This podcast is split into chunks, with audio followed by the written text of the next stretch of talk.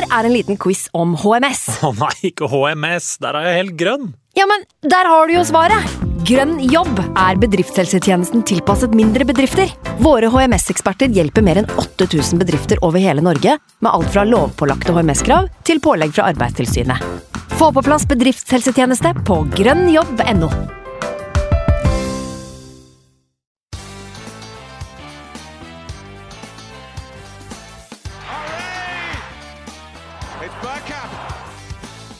for grabs now! The next station is Arsenal. Hei og velkommen skal du være til en splitter ny episode med Arsenal Station med Magnus Johansen og meg, Simen Goffeng. Sannelig flyter det godt om dagen. Eh, Med den fjerde strake seieren på rad har Arsenal festet et eh, slags grep i hvert fall, om den fjerde billetten til eh, fotballens forjettede land. Og på en dag da forsvarsspillet ikke var av vanlig solid kaliber, var det desto mer eh, gledelig å se Artetas menn dra fram, er det lov å si, Wenger-ball. Ikke én, ikke to, men tre ganger. Igjen ble det nervepirrende, Magnus, eh, men desto bedre smaker det vel?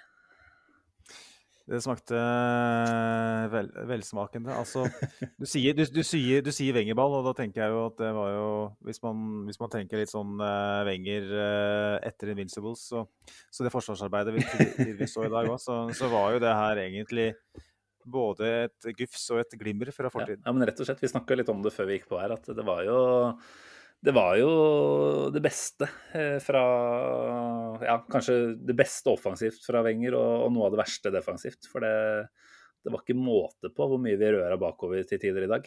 Eh, vi sitter jo her en søndag kveld som vanlig og har kampen sånn noenlunde bearbeida, så vi, vi får prøve å si noen vettuge ord om, eh, om hva som skjedde, både framover og bakover.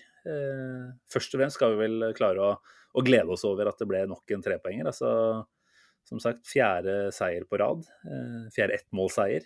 Eh, det er jo en egen, eh, egen kunst, det der, å, å hale de tette kampene i, i vår favør. Og det, det har vi blitt ganske gode på nå. Det har vi definitivt blitt. Og når man ser liksom på eh, den lineupen av lag som kjemper om den fjerdeplassen, så ser du jo det er Manchester United, Tottenham, Westham og Wolverhampton, og hvis du er snill. De har jo tapt Mm. tre på rapen nå. Men også er det Arsenal. Eh, Om, da. så da tenker jeg da, Og så er det Arsenal igjen, da.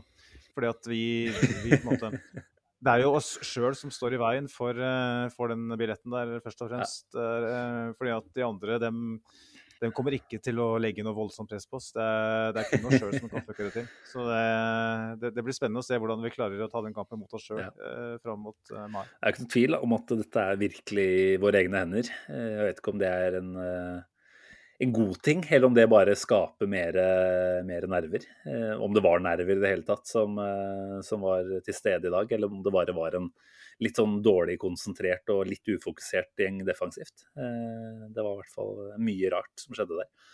Vi skal snakke mye om kampen, selvfølgelig.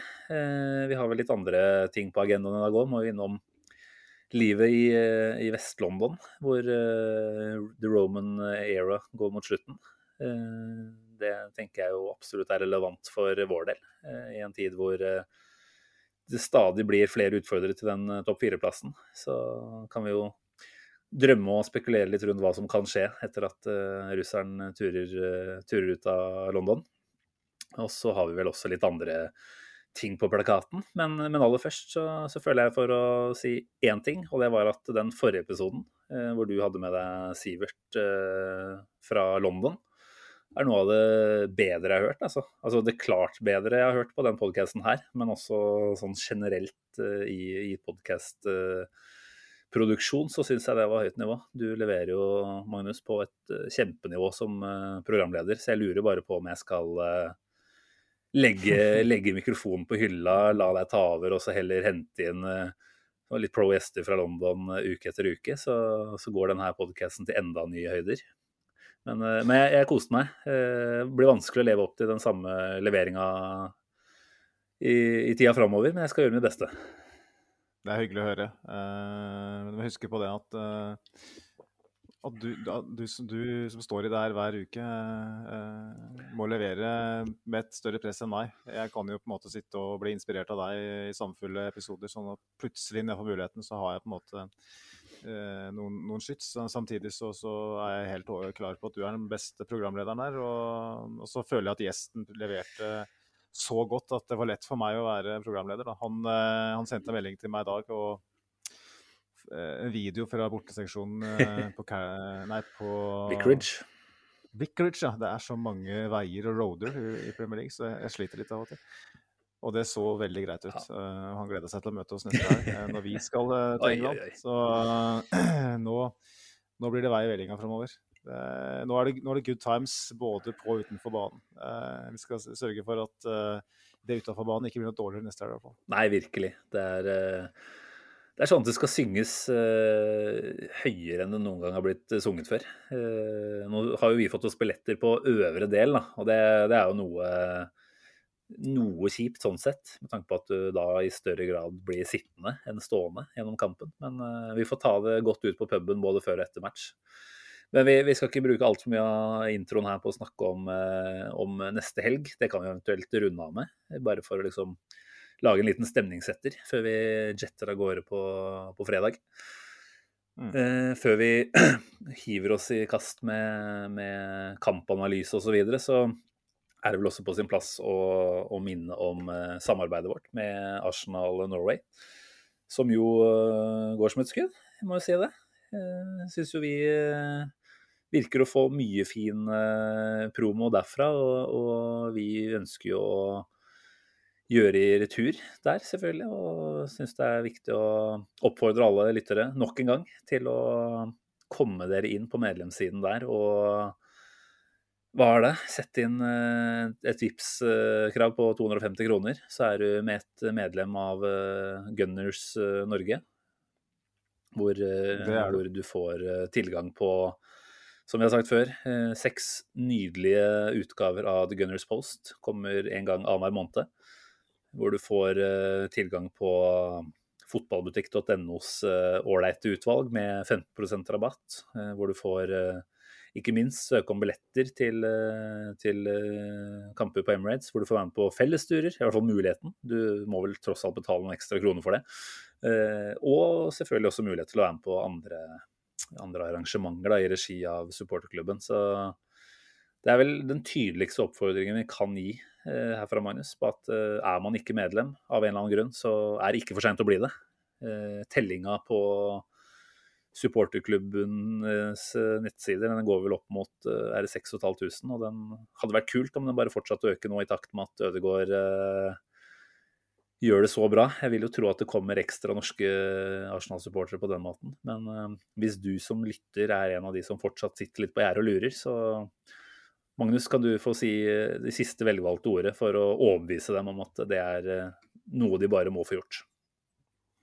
Nå ser vi at Martin Ødegaard gjør sin del av jobben. Eh, og mer enn det tenker jeg at da, da, er det enkelt for dere andre å, å, å fly flagget, det norske. Eh, og bare vippse 250 raske, og så, så bidrar du til eh, noe veldig positivt, eh, rett og slett. Og det er å, å la det Arsenal 3 i Norge vokse opp mot himmelen. Ja. Suveren. Bare gjør det. Vi eh, går videre, vi snakke litt om kampen, eh, hvis ikke du har noen andre ting du har lyst til å dra innom før den tid? Nei, nå vil jeg bare snakke om den kampen. Eh, fordi at eh, For de som var med oss fra starten av, eh, så, så innleda vi ganske bekmørkt, egentlig, med den, spesielt den første høsten. Eh, sånn at det å snakke om trepoengere samme dag som kampen har spilt, det er noe vi ikke har gjort så jævla ofte. Og nå har vi spilt et par torsdager i det siste eh, mot Wolverhampton. Mm. Eh, sånn at nå, nå er jeg så jævlig gira på å, å, å sette de tennene her som litt tannverk, faktisk. Og likevel så har jeg lyst til å bite i et uh, seigt kjøttstykke. Jeg gleder meg. Nei, vi, vi, var vel en slags uh, deppepod eh, i de første månedene. Det var vel egentlig det som var grunnen til at vi, vi starta den her. Det var for, for utløp for alle de, de vonde tankene og følelsene vi satt med uten at det skulle gå utover uh, uskyldige tredjeparter. Så, men nå, nå kan vi bare nyte. Uh, dagen i dag, den ble, jo, den ble jo til slutt veldig ålreit. Og den starta egentlig ganske ålreit òg. Uh, det er klart med unntak av at laguttaket Vi mangla jo i hvert fall én som vi hadde forventa skulle være der. Smith-Roll var ute med korona. Vi hadde vel før eh, Artetas pressekonferanse et lite håp kanskje om at uh, Tomiasu skulle kunne komme tilbake, men han er vel nå er det skada i hans altså den andre leggen. Eh, han har vel vært uh, ute med en, en leggskade nå i, i, noen uker, og så sto han vel den andre på trening for en ukes tid tilbake, var det ikke det? Så mm. det er jo for så vidt sånn litt bekymringsverdig moment, da. Uh, selv om Cedric jo har kommet inn og gjort en ganske grei figur, så, så er jo liksom Tomiaso en av disse ja, den back i fiven som virkelig har vært uh, til å stole på nå. Så jeg har liksom hele tida satt og tenkt at eh, nå, nå, kommer den skikkelig drittkampen til Cedric snart. Men uh, nok en gang så syns jeg han gjør en grei innsats i dag, men det, det, kan vi også komme litt mer tilbake til. men det var ikke noen overraskelse, vil jeg tro, når, når du så lagoppstillinga.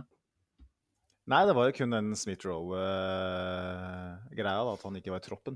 Mm. fordi at jeg fikk liksom en oppfattelse av at han hadde testa positivt for covid uh, for noen dager mm. siden. Uh, I forbindelse med at han var syk uh, i forrige match mot Wolverhampton. Men jeg vet ikke om det var noen offisielle kanaler som meldte at han hadde covid, eller om det var noe som ble meldt fra noen journalister. I alle fall så ble jeg litt overraska når det sto at han nå hadde testa positivt. Ja. Men det er klart, vi, jeg har hatt covid sjøl, og nå er ikke jeg toppidrettsutøver. Nei, nei. Med unntak av unntak av danse på bordet på lørdagskvelder, så er ikke jeg toppidrettsutøver. Uh, sånn at de, de, har sikkert litt min, mindre recovery time enn det jeg har. Men for de fleste som har hatt det, så vet jeg at det er veldig individuelt, så det kan jo hende at han, han sliter litt med etterlønninger.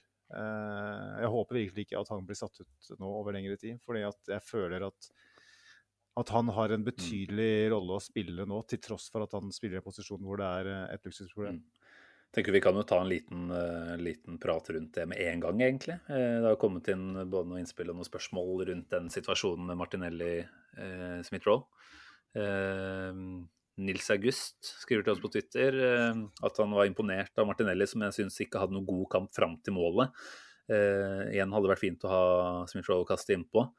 Mens Håkon Firing Andersen eh, skriver Martinelli med mål, men personlig liker jeg ESR bedre. Hvorfor starter ikke han til vanlig? Eh, vet han var ute grunnet korona i dag. Og, og, det var jo noe vi også snakka litt om eh, da vi prata rundt kampen i forkant. At jeg følte meg i hvert fall dit hen at jeg, jeg helte mot at Smith-Roe ville ha starta den kampen her. Jeg syns det har hatt en liten tendens ved Martinelli til at han ser litt, litt sliten ut. Ikke like store spruten som det har vært. Eh, I tillegg til at eh, Smith-Roe kanskje byr på enda mer økonomi eh, i spillet enn en Martinelli gjør. Da. så har vi jo snakka litt om Martinellis styrker òg, at med en spisstype som Lacassette så får du kanskje en, en, altså du får kanskje mer ut av en enda mer direkte type som Martinelli er, da, til venstre foran. Eh, mm. Men hva, hva, tenker du, eh, sånn kort eh, til det spørsmålet om, om Smith-Roll? Hvorfor starter han ikke til vanlig? Nå har det vært omstendigheter, selvfølgelig. Ja, det har nok handla litt om at uh, han har hatt litt utur med, med når han har vært ute. Mm. Så, så, har Martinelli kommet inn og virkelig gjort det vanskelig å droppe den. Uh, og så kom jo Smith-Roe tilbake, skåra mot uh, Brentford.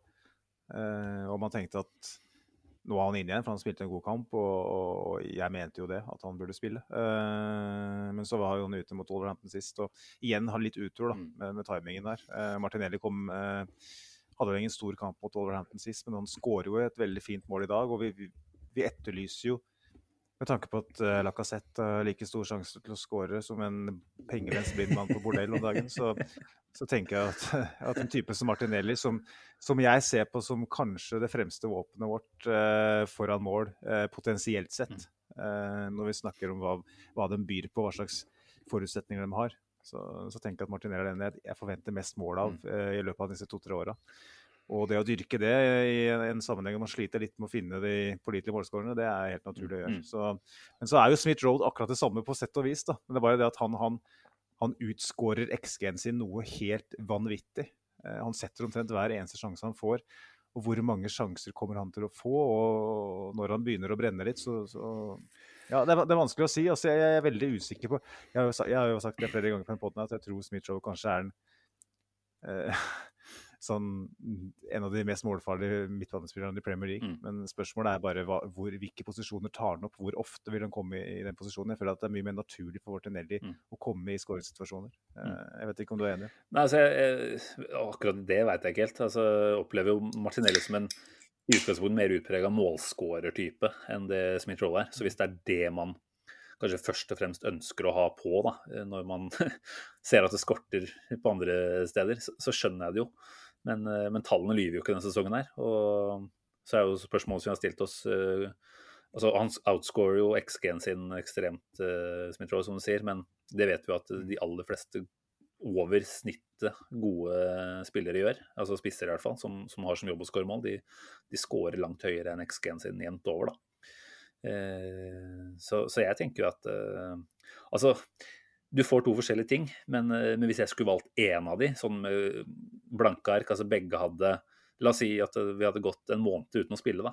Begge hadde vært like gode på trening typ, og, og hatt uh, ikke, noe, ikke noe forrang for den andre, da. Uh, da ville jeg nok gjerne sett Smith-Roll, uh, tror jeg. Jeg opplever at han er Han er hakket mer komplett i mine øyne, da. selv om Martinelli har virkelig tatt steg i forhold til hvordan han forholder seg til resten av laget og, og, hva han gjør når han er på ball selv, så, så opplever jeg liksom at Smith-Roe er en ja, rett og slett en, en type som, som, er enda mer til å stole på. Kanskje også i det defensive.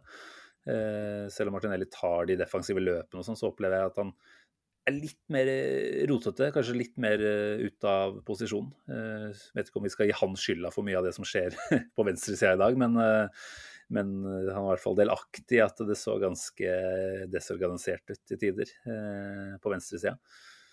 Eh, men igjen, vi kommer ikke tilbake til at det er ikke noe annet enn et luksusproblem, dette her, da.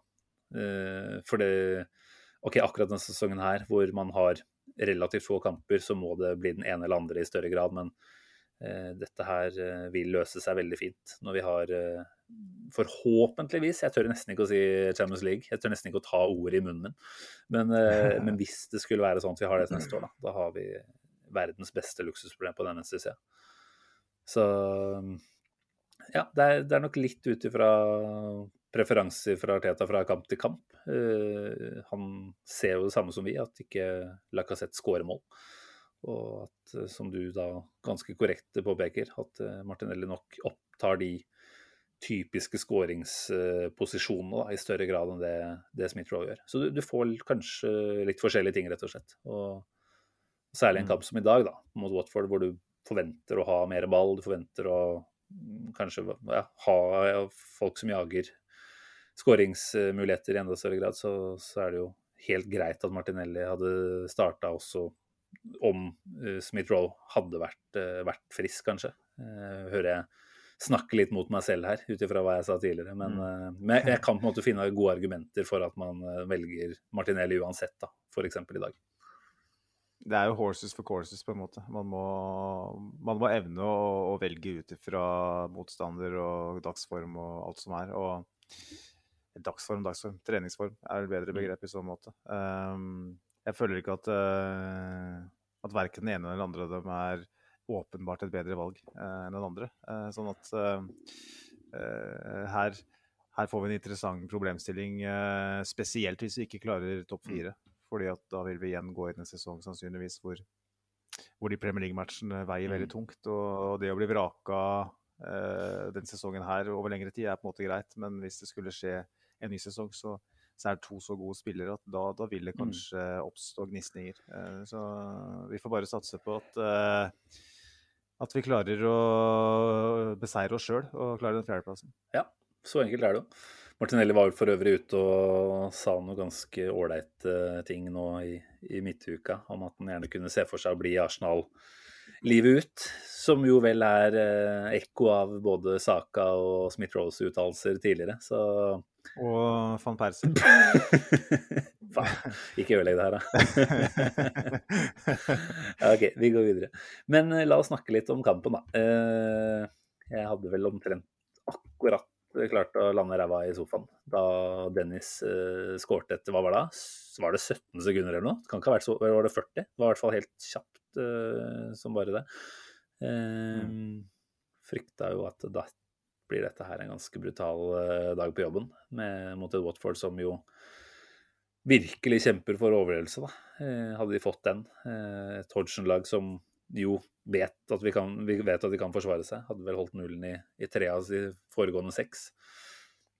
Eh, Mm. takk og pris, så ble ikke den, den tellende. Men, men det var vel på en måte allerede der litt bud om at litt av det som skjer bakover, det, det var vi ikke klare for i dag, eh, rett og slett. Så, så gikk det jo heldigvis ikke mange minuttene før, eh, før det skjer noe helt genialt i andre enden av banen. Eh, du som er en lyrikermor, kan ikke du bare ta oss kort gjennom det veggspillet til Ødegaard og Saka?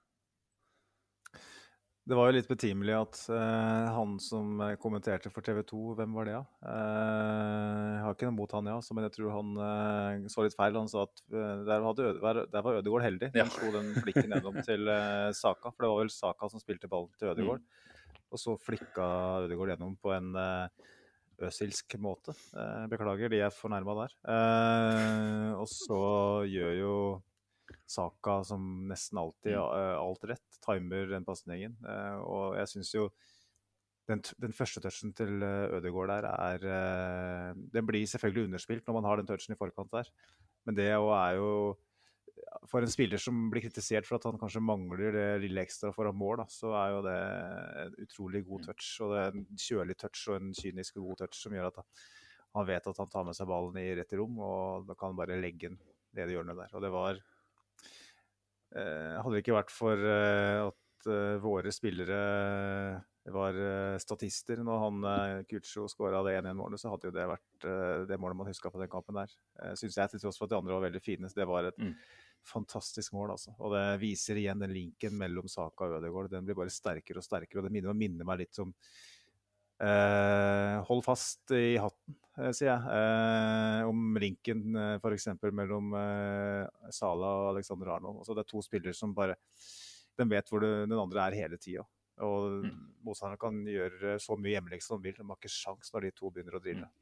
Det, det blir bare bedre og bedre, og jeg lurer virkelig på hvor bra det kan Ja. bli også. For de har ikke spilt sammen så lenge, og de er veldig unge begge to. Og det, den skåringa er eh, rett og slett eh, noe som symboliserer det samarbeidet mellom Mm. de to. Eh, som kanskje, som Fabregas vel skrev, dem er både eh, nåtiden og fremtiden for Arsenal, de to der. Eh, og, og viser det der. Det er så rått med det òg. Fordi at altså, både altså, Ødegaard gjennom kampen, særlig første gangen hvor det er så mye finesse i det han holder på med, og også Saka, allikevel er det så ekstremt effektivt. Altså, det er liksom en, en plan og en tanke bak ethvert touch. Da. Det er ikke sånn der dilling med ball bare for at det skal se kult ut. Det er liksom, når Ødegaard holdt på med såledragninger eh, rett foran 16-meteren, det var ikke så lenge etter 1-0-gålen, tror jeg.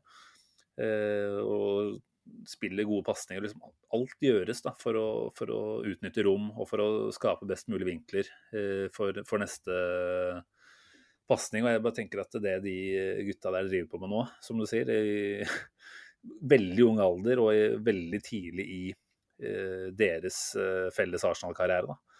Det er, eh, det er til å sikle grovt av når du begynner å å drømme litt om hvordan det her kan bli framover. Det er jo virkelig et sånt element da, ved, ved laget hvor du bare går og, og gleder deg til neste kamp, fordi du, du veit at du kommer til å få servert noe, noe ekstraordinært. Da. Og det, det var definitivt eh, tilfellet på første målet. Eh, Veldig kontrollert og, og fint fra, fra Ødegaard òg, som jo nå er oppe i Er det fem goller i Premier League denne sesongen her? Stemmer det. Så Stemmer det. det er jo fan ikke fantastiske tall ennå, men eh, med tanke på at uh, målproduksjonen hans var noe av det man absolutt uh, håpa at skulle bli bedre, da, så har han jo begynt å besvare en del av de forespørslene der. Det er eh, kjempeviktig at vi får de skåringene også fra midtbanen. og det det virker i hvert fall, altså Om han ikke kommer til å skåre i hver kamp, så utgjør han i hvert fall en trussel. og Det er klart det er noe som, som motstanderne også noterer seg og kommer til å, å måtte forholde seg til. Da, som igjen skaper mer rom for, for andre. Så dette her er, det er veldig positivt. Eh, når vi var inne på utligningsmålet, vi trenger ikke snakke for mye om det, men vi må vel erkjenne at det var en OK avslutning, i hvert fall. Eh, selv om vi kanskje skulle ønske at vi hadde sett eh, noe mer aggressivt, eh, oppofrende forsvarsspill i forkant. Starta vel med at de kom seg fri på, på sin høyre side, eller vår venstre side, hvor det var mye som skjedde egentlig kampen igjennom. Dennis er det vel som får lov til å stå koselig med ballen før han slipper den ut til en høyrebekk eller hva det er, som kommer på overlapp. Legget der er liksom ikke Det er ikke knallhardt. Eh, vi er vel er vi tre stykker inne i femmeteren ca., mens uh, mm. Watford bare er representert av én, og det er han hva er det han heter? Cucho Hernandez. Mm. Liten uh, drittsekk, uh, følte jeg, i løpet av den kampen her. Men uh, ja, det er jo ikke imponerende det vi holder på med inne i boksen her. Kunne jo absolutt ha håpa på et mer Altså, jeg, først og fremst, det har vært veldig mye oppofrende forsvarsspill denne sesongen her. det å kaste seg inn i de last ditch-taklingene der, det, det, føler jeg liksom har blitt et varemerke for både Ben White og, Gabriel, egentlig. Men uh, kanskje desto mer skuffende derfor, da, at man følte at det var, var en uh, viss avstand til han som fikk avslutte. Ja, og mm, jeg føler jo at, at vi har noen forsvarsspillere som trykker på den berømte slumreknappen fra start nå mm. et par matcher på rad. Spesielt Gabriel syns jeg virker som har vært på på det vi skal neste helg. Altså en, en, danseseanse ved bordet sent natt til lørdag. Eller søndag. Du skulle si fylletur. Ja, det er vel det vi skal på. Sånn at jeg syns han har virka passiv og usikker fra, fra, start. Og så spiller han seg opp etter mm. hvert. Og samme med, med, Ben White og Cedric i den situasjonen der. da. Begge to står egentlig og, og, og vurderer situasjonen. De ser litt på ball, og så får han jo lov til å gjøre Eh, en god søknad til Skal vi stupe, eh, eller Skal vi kaste oss rundt, eller hva det programmet heter. Han får lov til å bare Han får stå helt alene og, og gjøre det han gjør. Jeg tenker at der må jo i hvert fall en av dem eh, komme nærmere eh, og forstyrre den mm. eh, i det øyeblikket. Eh, så det syns jeg er litt svakt. Og vi har jo Nå skal vi snakke litt kronologisk her, Simen. Men det er vi ikke så gode på, egentlig. Men er, hvem, hvem, hvem, er vel det? sånn at Eh, vi har jo fått noen veldig gode tilbakemeldinger på, på Ben White. Mm. Det er vel uh, gode, gamle Sivert da, som eh, sikkert har vondt i hodet nå, som, eller eventuelt danser på det berømte bordet etter kampen. Han sier Ben White da, for en syk signering, banens beste for meg igjen. Jeg elsker den mannen. 50 millioner pund var småpenger. og så sier Kevin Fosteid Bates Ben White, ja, fy faen så god han var for oss da vi Eh, da vi gikk opp, sier han er vel Leeds-fan, han sannsynligvis. Oh, ja. Eh, når du ser prisen på f.eks. Maguire, så er det et røverkjøp. men han sier men enda har dere ikke sett det beste av han. Okay. Just saying, og det sier de fleste Leeds-fans. men jeg har en liten høne å plukke med både Sivert og, og Kevin her, for så vidt. For det, jeg, jeg syns jo i, i dag at han at han ikke viser uh, Han er ikke den beste versjonen av seg sjøl, som Dag Otto ville sagt, uh, ved begge skåringene. Um, mm. Den 1-0-skåringen har vi all, nei, 1-1-skåringen har nevnt, men den, den siste der òg, uh, så syns jeg han blir lett, litt for lett runda mm. av eh, Sissoko, som ikke akkurat stinker mål den turen der. og det var litt sånn OK, Sjaka var jo nå foregriper jeg begivenheten, her, Simen, men det var jo Sjaka som bare ball på midten der. Og Sjaka igjen litt på etterskudd når han, eh, når han jager Sissoko, men jeg syns jo jeg syns det ble litt for enkelt at Sissoko skal få lov til å nesten ta med seg ballen gjennom den der. Uh, så jeg syns ikke at Ben White hadde sin beste kamp uh, i dag. Uh, selv om han bidrar med sitt, sitt vanlige ro med ballen ja. og, stepping inn til midfield osv. Det, det er jo der jeg tenker han utmerker seg i dag, da. Framover, ikke mm. bakover. Jeg må jo si at jeg er uenig i at han er en BB-kandidat i dag. Eh, for meg så var det Saka, uten tvil. Eh, men vi trenger ikke å ta en lang fight på det. Det er vel de som mener at Ødegaard kom unna med man of the match i dag òg, og det, det, kan man jo sikkert også argumentere for. Men eh, Ben White var ikke banens beste i dag, det syns jeg ikke. Så kan det jo selvfølgelig sies at Sivert har sett noe fra tribunen som ikke vi har fått med oss. for så vidt. men det er klart, de bildene fra når du står på borteseksjonen der og ser eh, noe som skjer 100 meter unna, kan jo også spille deg et puss. Så det er godt mulig at, eh, at eh, man er litt uenig ut ifra det. Men jeg tenker at for meg var ikke Ben White heller vår dårligste midtstopper i dag. Det syns jeg igjen var Gabriel, mm, som jo har et hot head i dag også. Eh, hvor eh, det er litt sånn hjerte i halsen noen ganger. Nå, nå var det Ben White du ville snakke om, men jeg, jeg dro rolig over på Gabriel likevel.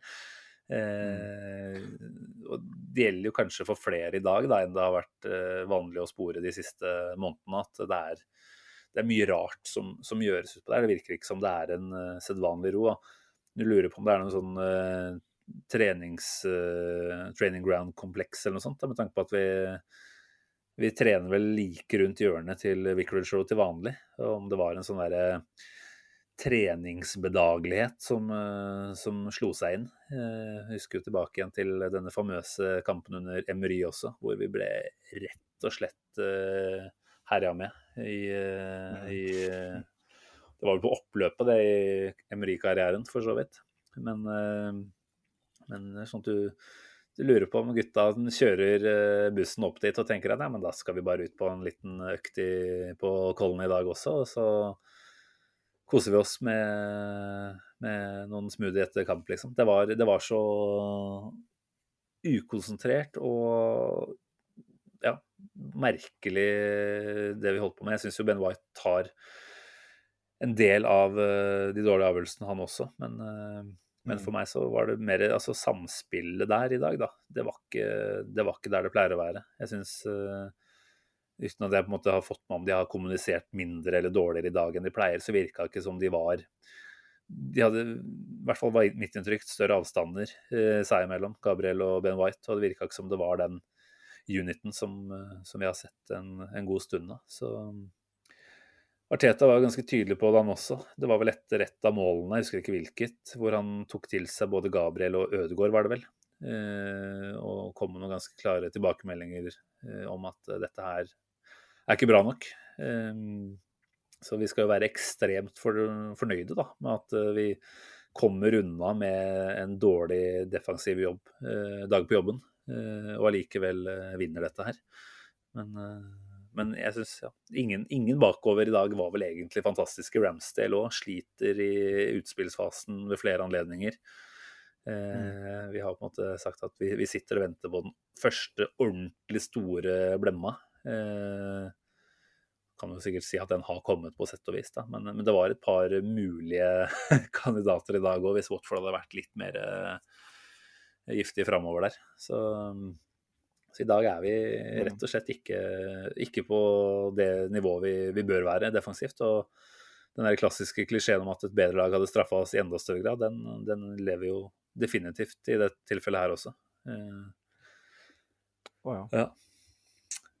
Det er jo uh, slik at vi etter hvert skal opp mot, mot uh, bedre lag, men jeg føler at vi har spilt mot bedre lag òg uh, siste tida. Sånn at det her var en en liten sånn uh, vekker, håper jeg, og som mm. du vel var inne på før uh, innspillingen, Simen. Jeg syns du har helt rett i er jo at kanskje var det litt nyttig at vi fikk denne vekkeren her nå. At uh, nå kommer Leicester, og så kommer vel Liverpool etter det, og så Villa. Og Villa mm. hvis Coutinho har dagen, og Callum Chambers driver og slår sånne utsidehockeyassist. så kan det bli, bli, vanskelig hvis vi ikke er virkelig, virkelig mm. påskrudd. Så Eh, litt bekymringsverdig er det, syns jeg, at vi, mm. At vi liksom virker å være litt sløve, rett og slett. Eh, spesielt med tanke på at vi spiller såpass sjelden som vi mm. gjør. Eh, nå har vi jo vist tidligere at vi, vi tåler godt en sju, åtte, ni, ti dager uten å spille. Men i dag så virker det som den er det ni dager nå uh, siden forrige match. Så syns jeg vi virka skikkelig rustne fra start. Og uh, ja, eh, det har vi ikke råd mm. til uh, framover. For da, da, blir det her en, en ubehagelig vår, i verste mm. fall. Ja, og Arteta er jo ganske tydelig på dette kampen nå. At han eh, sier for så vidt at han ikke likte mye av det han så. Eh, evnen til å kontrollere kampen, den var jo ikke til stede eh, i store deler. og at vi ikke er organiserte godt nok, rett og slett. Eh, det er jo ganske grunnleggende, grunnleggende ting. Om det, om det, kun er mentalt, at man ikke er komfortabel nok. Eh, liksom, det er Watford borte, da, så det er ikke det verste stedet å gå til. Du skal kunne evne å stå i det trøkket derfra. Så mm. vi, vi, får håpe at det var en one-off, uh, selv om det har vært en ørliten tendens også kanskje til at vi har sett det litt i Wolverhampton-kampen også. Uh, håper at vi på en måte får uh, regroupa skikkelig nå og brukt denne tross alt ganske slitsomme opplevelsen som den kampen ble. da, og Går inn i den Leicester-kampen her nå, den treningsuka foran, med, med dette her ganske friskt i minne at dette holder ikke mot bedre lag. Og Leicester er tross alt et bedre lag, selv om de løkka seg ganske kraftig til en 1-0-seier mot eh, Leeds. Så, så er det et lag som vil kunne straffe oss, det veit vi.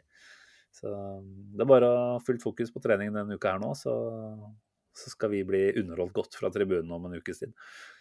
Men uh, Jeg tenker vi, bare, bare, for å avslutte det segmentet med defensive prestasjoner, mm. så syns jeg det er interessant å lese lytterinnspill i dag.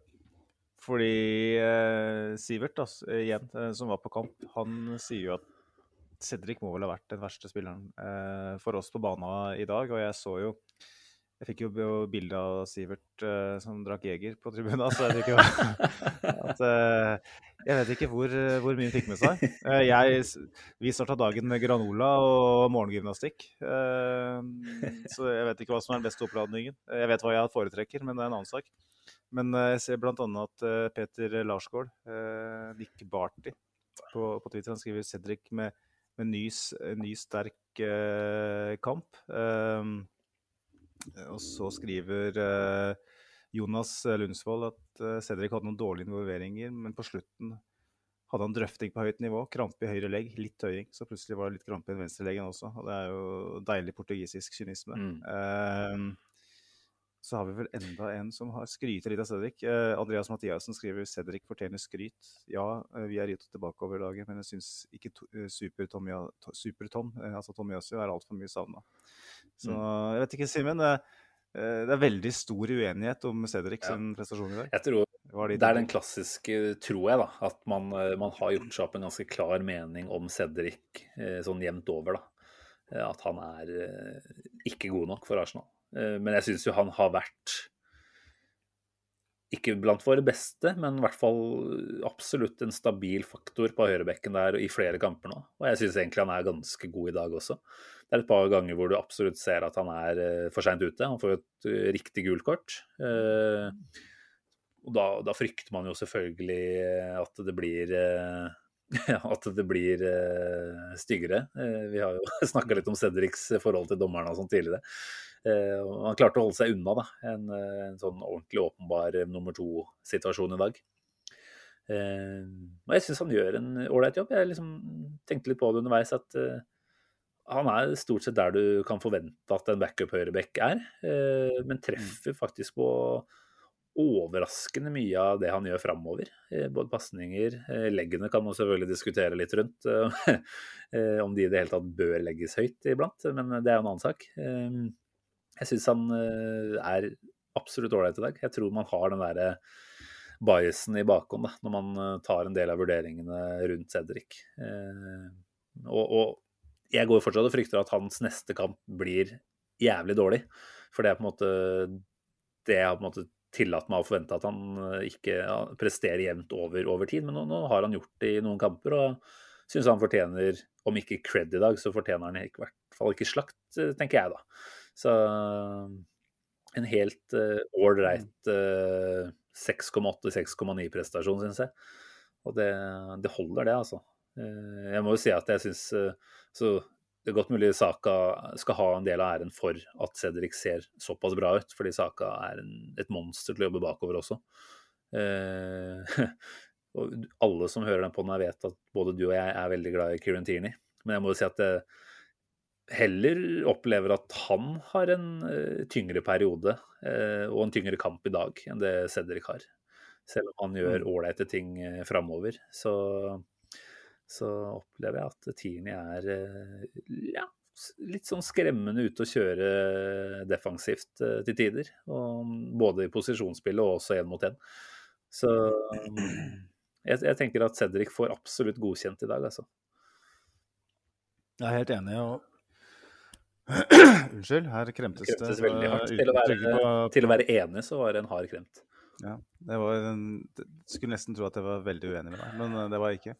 Uh, Kieran Tierney, nei, Cedric Suárez han har jo involveringer i to av tre mål i dag. Da. Det syns jeg er viktig å, med, ja. å, få med seg. Han tar jo det innkastet som fører til Martin Martinelli sitt mål. Han er jo involvert i det målet som Ødegaard skårer. Mm. Uh, ikke akkurat en tung involvering, men han er der han skal være, og er en kombinasjonsspiller som funker på høyresida mm. der så har han flest ballgjenvinninger av samtlige, eh, som er fem. Det, ja, det er jo... Han spiller, spiller, med høy intensitet. og når han bommer, så føler jeg det handler vel så mye om at han rett og slett ikke er mm. god nok. Og det, det aksepterer man mm. for så vidt av en, av en, backup. Det er Grunnen til at mange har bias mot den, og inkludert meg sjøl, er jo fordi at han er en Kiyoy Rapshian-klient eh, som ble signert liksom i den der perioden der med agentvennlig eh, Arsenal-ledelse. Mm. Um, men uh, jeg syns han, han, gjør en veldig OK jobb. Mm. Uh, og når det gjelder Kieran Tierney, så uh, du, du, sier at både jeg og du er stor fan av han, og det er jeg selvfølgelig er en stor fan av han, men jeg er òg en av de som har vært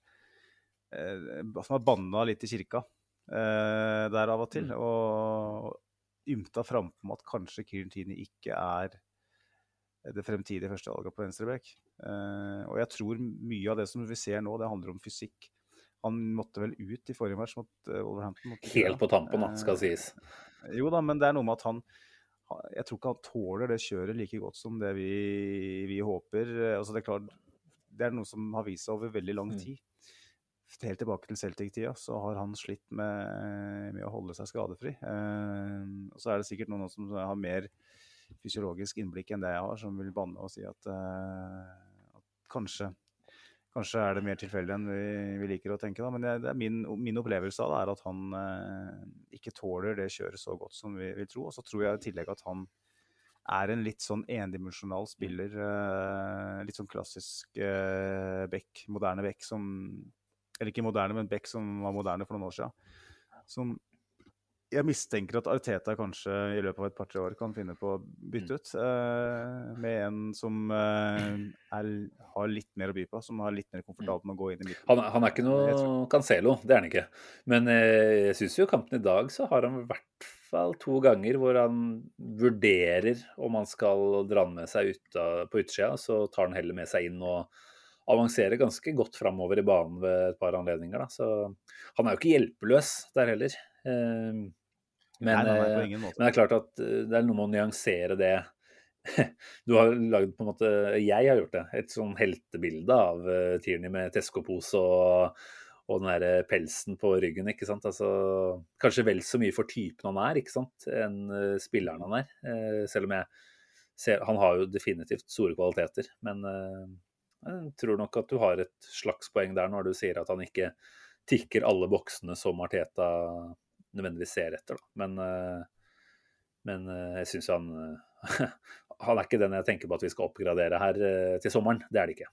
Det, det, nei, det vil jeg nei, ikke si. at Der er ikke Arsenal i, i nivå ennå. At det er Tierney som holder oss igjen på noen som helst måte. Men, men vi, det er klart vi hadde jo en periode med Tavares inn i førsteelveren i ja, var det fire kamper, fire-fem kamper etter hverandre. Mm. Og allerede da så begynte man å snakke litt om at ja, er dette her liksom noe vi må begynne å se at uh, har kommet for å bli. Jeg var aldri der at jeg trodde det på det tidspunktet.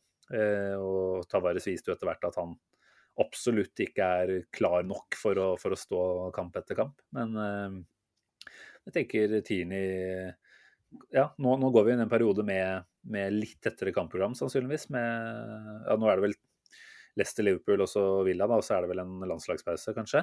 Eh, men, eh, men, det skal jo spilles litt midtukekamper. og Apropos den fysikken som du snakker om, så, så, er det vel ikke helt urealistisk at vi får se Tavares inn i, i en av de kampene her, kanskje. Eh, hvilken av de er en annen sak. Jeg har jo dårlige minner med Tavares mot Liverpool, så kanskje ikke den midtukekampen der. Men nei da, jeg tenker Tini også vet at visse ting bør gjøres bedre. Og så er det noe med organiseringa som er eh, ikke helt på, på, stell. Men eh, det er ikke bare tingene, det er ikke bare Martinelli, det er absolutt ikke bare Chaka som skal ta kritikken for det. Men du kan på en måte si da, til venstresiden nå, med Chaka sin litt nye rolle, med en Martinelli eh, i større grad enn Smith-Roll, kanskje fører til litt usikkerhet i organiseringa på den siden. da. Så det er jo noe det går an å håpe at vi forbedrer oss på, om det blir de som, som spiller eh, neste kamp også.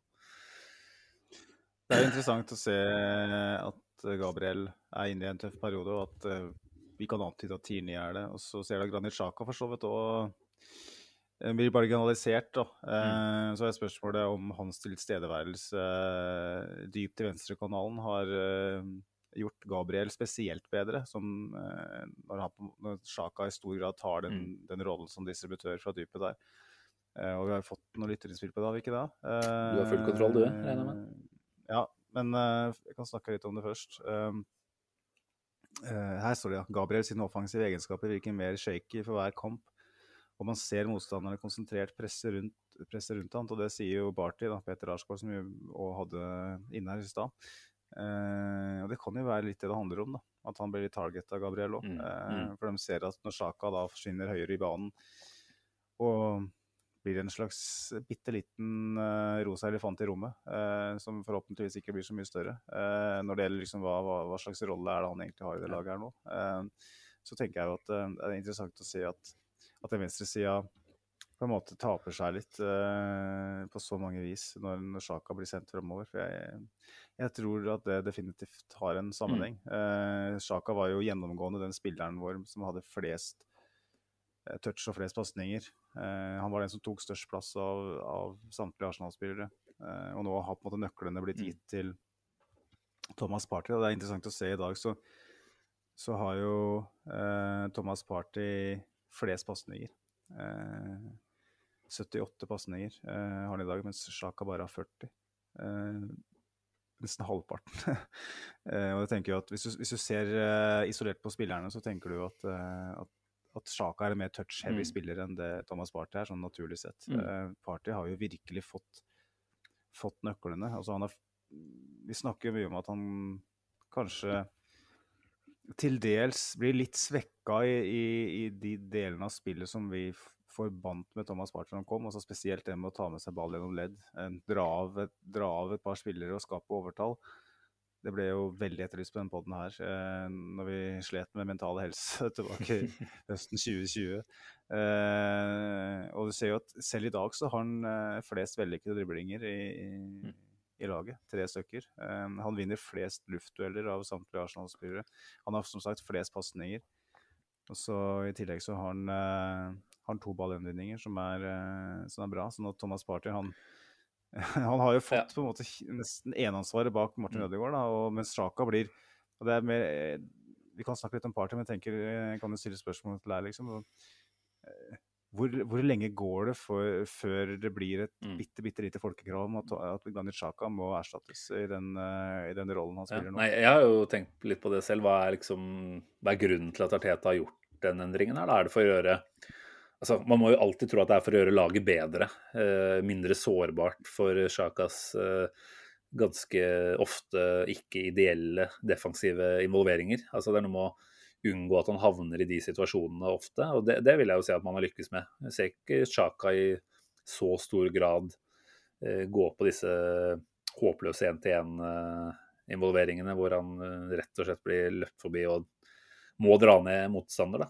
Eh, så en sånn indreløperrolle sånn sett har vært eh, vellykka. Men han er jo en stabiliserende faktor i spillet fortsatt. Eh, jeg vil jo tro at bare i kraft av å være den typen som vi nå på en måte har fått lære at Chaka er da, i dette laget, i denne troppen, så tror jeg han på en måte, sånn sett eh, er fortsatt en førstemann eh, blant de første på laget. Da. Eh, men jeg har jo også tenkt at Arteta gjør dette, en, altså den endringen i en viss grad for å rett og slett fase seg vekk fra han. Eh, for å gjøre overgangen til en eventuell erstatter også denne sesongen eh, mindre. Så er spørsmålet igjen hvem, hvem tar den? Eh, litt ut ifra Jeg tror vel kanskje ikke vi nødvendigvis ser Lokonga inn i den type rolle som det. Eh, eh men, men, eh, det er klart med, med både De Smith og eh, Ødegaard som indreløperalternativer der, så, så har jo tenkt at uh, han, altså godeste Smith-Roe, da, kanskje i hvert fall i noen kamper vil kunne være uh, spilleren vi, vi setter i Chaka-rollen. uh, i større grad. Mm. Bare for å ha, ha mer. Men, men, jeg tror ikke vi skal undervurdere heller at han, han byr på en del viktig defensiv, defensiv stabilisering, selv om det i dag mot Watford ikke ble så, så tydelig, kanskje. Så, så, tenker jeg at uh, han har en rolle å spille. Men uh, dette folkekravet som du lurer på, altså, det har jo vært der. Og uh, selv om det på en måte har blitt en aksept for at Sjaka nå er Altså, vi har på en måte akseptert at han og Party utgjør, utgjør den midtbaneduoen som ligger der og stabiliserer.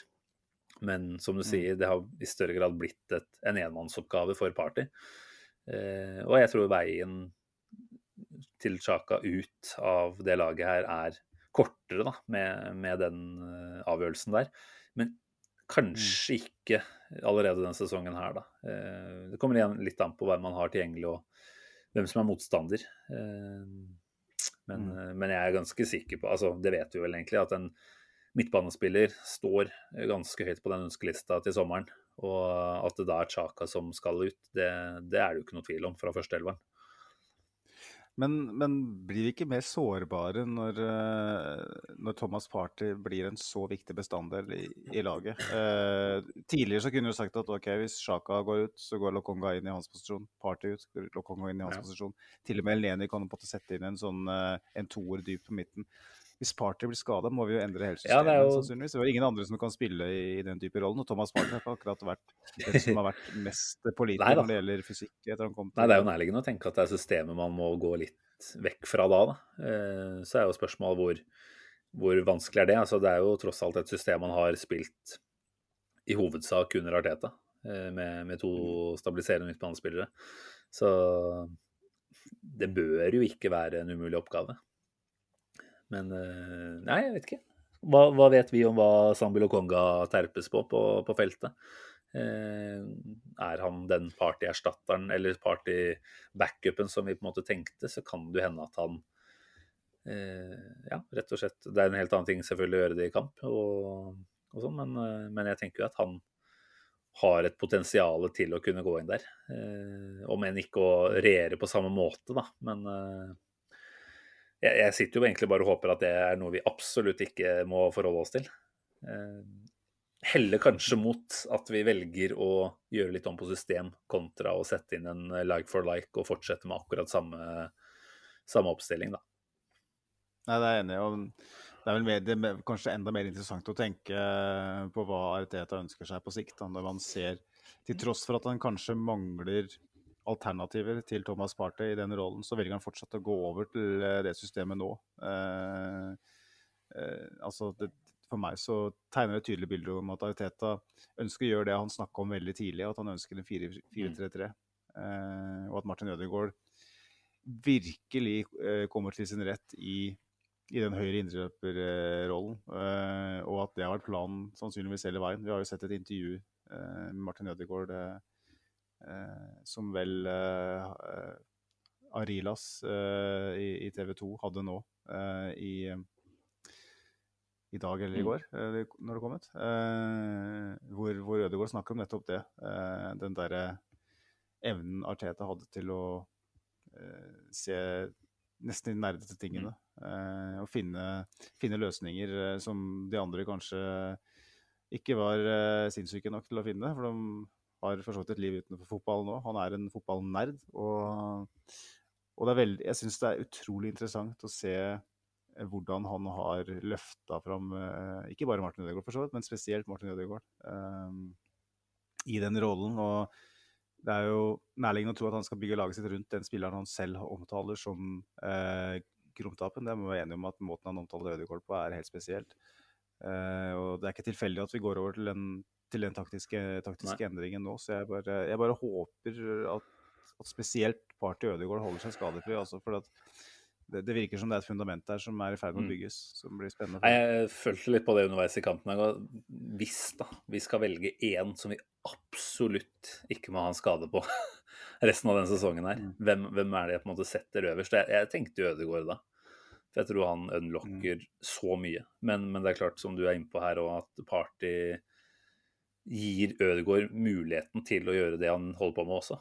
Uh, så la oss ikke spekulere og, og, snakke om det, egentlig, for da bare kommer vi sikkert inn på, på noen dårlige karmaspor. Så krysser alt vi har for at vi holder oss uh, skadefrie, altså. Virkelig. Og det bør jo være mulig nå med et såpass uh, relativt snilt kampprogram, selv om jeg frykter de landskampene litt, må jeg si. Ja. Eh, det er jo noe med å komme ut av rytme osv., eh, som vi snakka om før. Men eh, før vi går videre, Simen, så, så, fikk vi et spørsmål fra Hedley BN på, på Twitter som du skal få svare på. Nå tar jeg et naturlig ordførervalg her fordi at jeg var her forrige gang, beklager det. Jo, men du, men, han, funker fint. Han spør uh, Ødegaard for 30 millioner. Årets signering? Spørsmålstegn.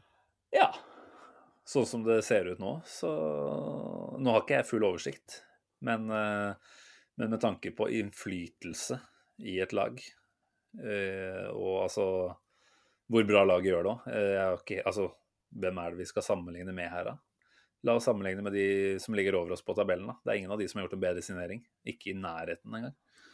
Eh, Nei, jeg tror den er ganske klink, faktisk. Eh, det er uh, synd det ikke gis ut noen sånne ligapriser for det. For det, det hadde vært en ålreit eh, oppmerksomhet å få, det, altså. Men Det kommer, det, vet du, når Superligaen kommer. Åh, ja, vi, vi, vil helst ikke snakke for mye om det. Det har vel bare vært noen noe rykter, noen løse kommentarer de siste dagene.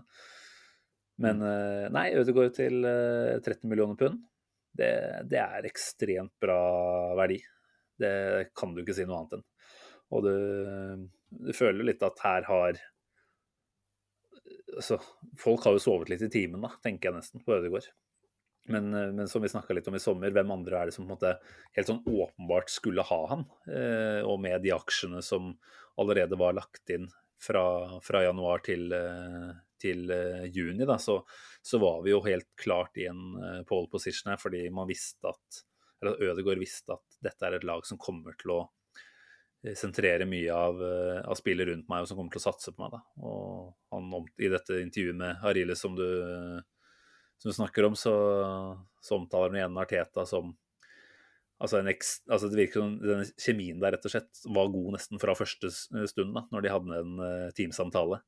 Og at det bare har uh, Det er et, uh, et forhold som bare virker å slå ut i full blomst videre. Og tror at den, den dealen der, i det markedet vi ser i, i dag, da, det er noe av det aller bedre vi, vi kan ha gjort de siste vi har jo ikke vært gode på overgangsmarkedet heller, så det er kanskje ikke så vanskelig. Men sånn, vi sitter og, og, sammenligner med noen av de virkelig beste signeringene. Altså, vi kan snakke om at vi plukka opp en Henri som alle på en måte visste var et kjempetalent, men som ingen kanskje klarte helt å se den store verdien i, det, men Wenger gjorde det, og omskolerte han for så vidt litt. Eh, og så så er vi på en måte ikke helt i det samme landskapet ennå med Ødegaard. Men eh, det er ikke noe tvil om at Arteta så alt det han trengte å se. Eh, så kan det godt hende at andre har sett noen av de samme tingene og bare tenkt at vi har ikke muligheten til å, til å få en plass her. Men, eh, men nei. Heder og ære til Arteta, som var mannen bak den dealen der. Og til Ødegaard, som nå virkelig er i Det må nesten være lov å si sitt livsform. Selv om vi husker at han herja for, uh, for Fitesse og for Real Sociedad til tider, så, så gjør han det nå på Sier man, si, si, sier man Fitesse? Jeg tror det gjør det. Ok, Jeg har alltid sagt Vitesse. Kanskje er det fordi jeg ikke har lyst til å si noe feil. Men, uh, vi hadde jo Kenneth Fredheim her, og apropos det begrepet, men uh, okay, Begrepet. Det begrepet.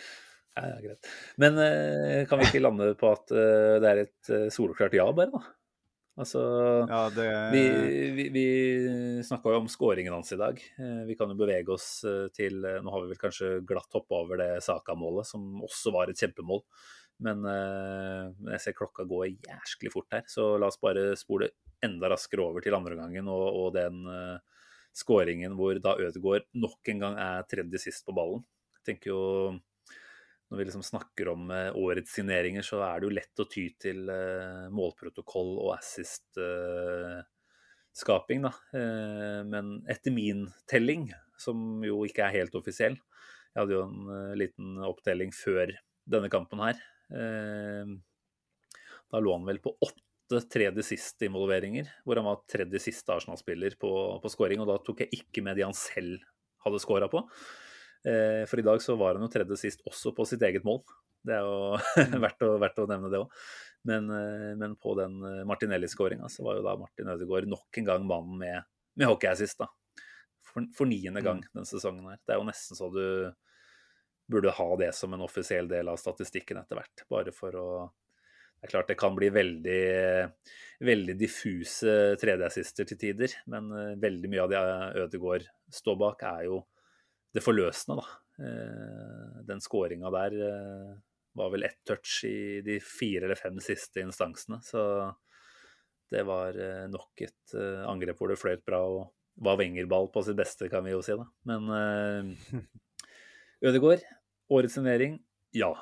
Enkel og greit. Ferdig snakka. Og, og, da er vi jo på en måte heller ikke der at vi altså Vi kan jo godt snakke om Ramsdale, på en måte. Men, uh, men når vi på en måte skal telle opp til slutt nå, uh, så er det jo lov å tillate seg å tro at Ødegaards form fortsetter.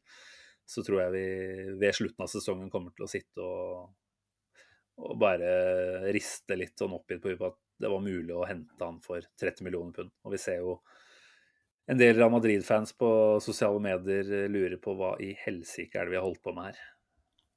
Greit nok at man ønsker å stole på de gamle kara, men eh, det skal jo spilles fotball i Madrid også de neste årene. Og da er det rart at ikke Ødegaard var, var en de ønska videre.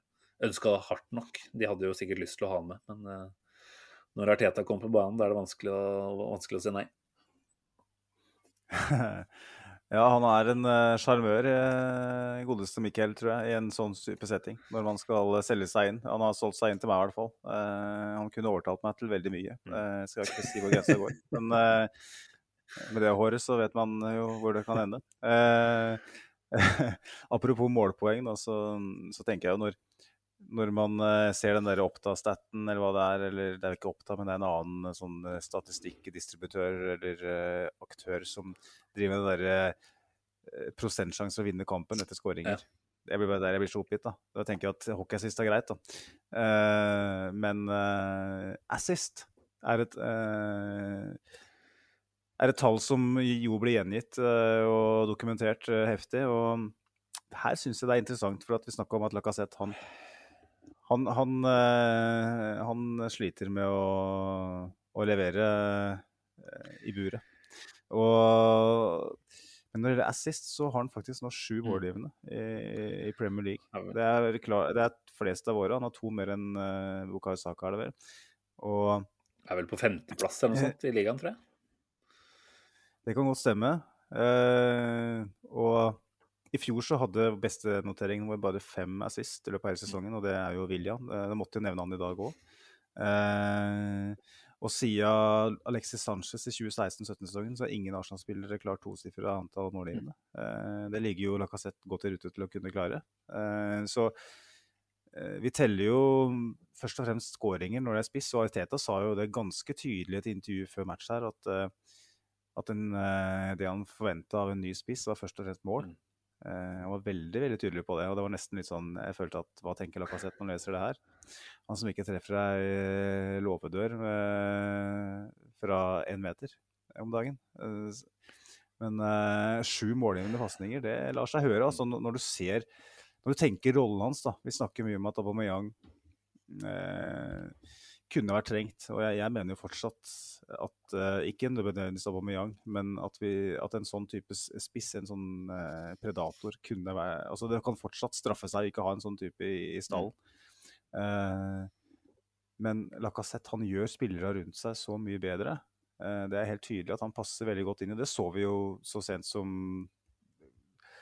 ja, rundt årsskiftet 2019 Nei, 2020-2021, når, når, han spilte sammen med Smith-Roe og Saka og sånn, og Smith-Roe slo igjennom for så vidt, så så du på en måte at her, her han gir oss en helt annen funksjonalitet offensivt. og Det, det fortsetter han å gjøre. Også når han i tillegg da serverer såpass mange målgivende, eh, så, så, tenker man jo etter hvert at hvis man fjerner Lacassette, så kan man fortsatt si at man har fjerner man ganske mange mål, selv om man ikke skårer så mye.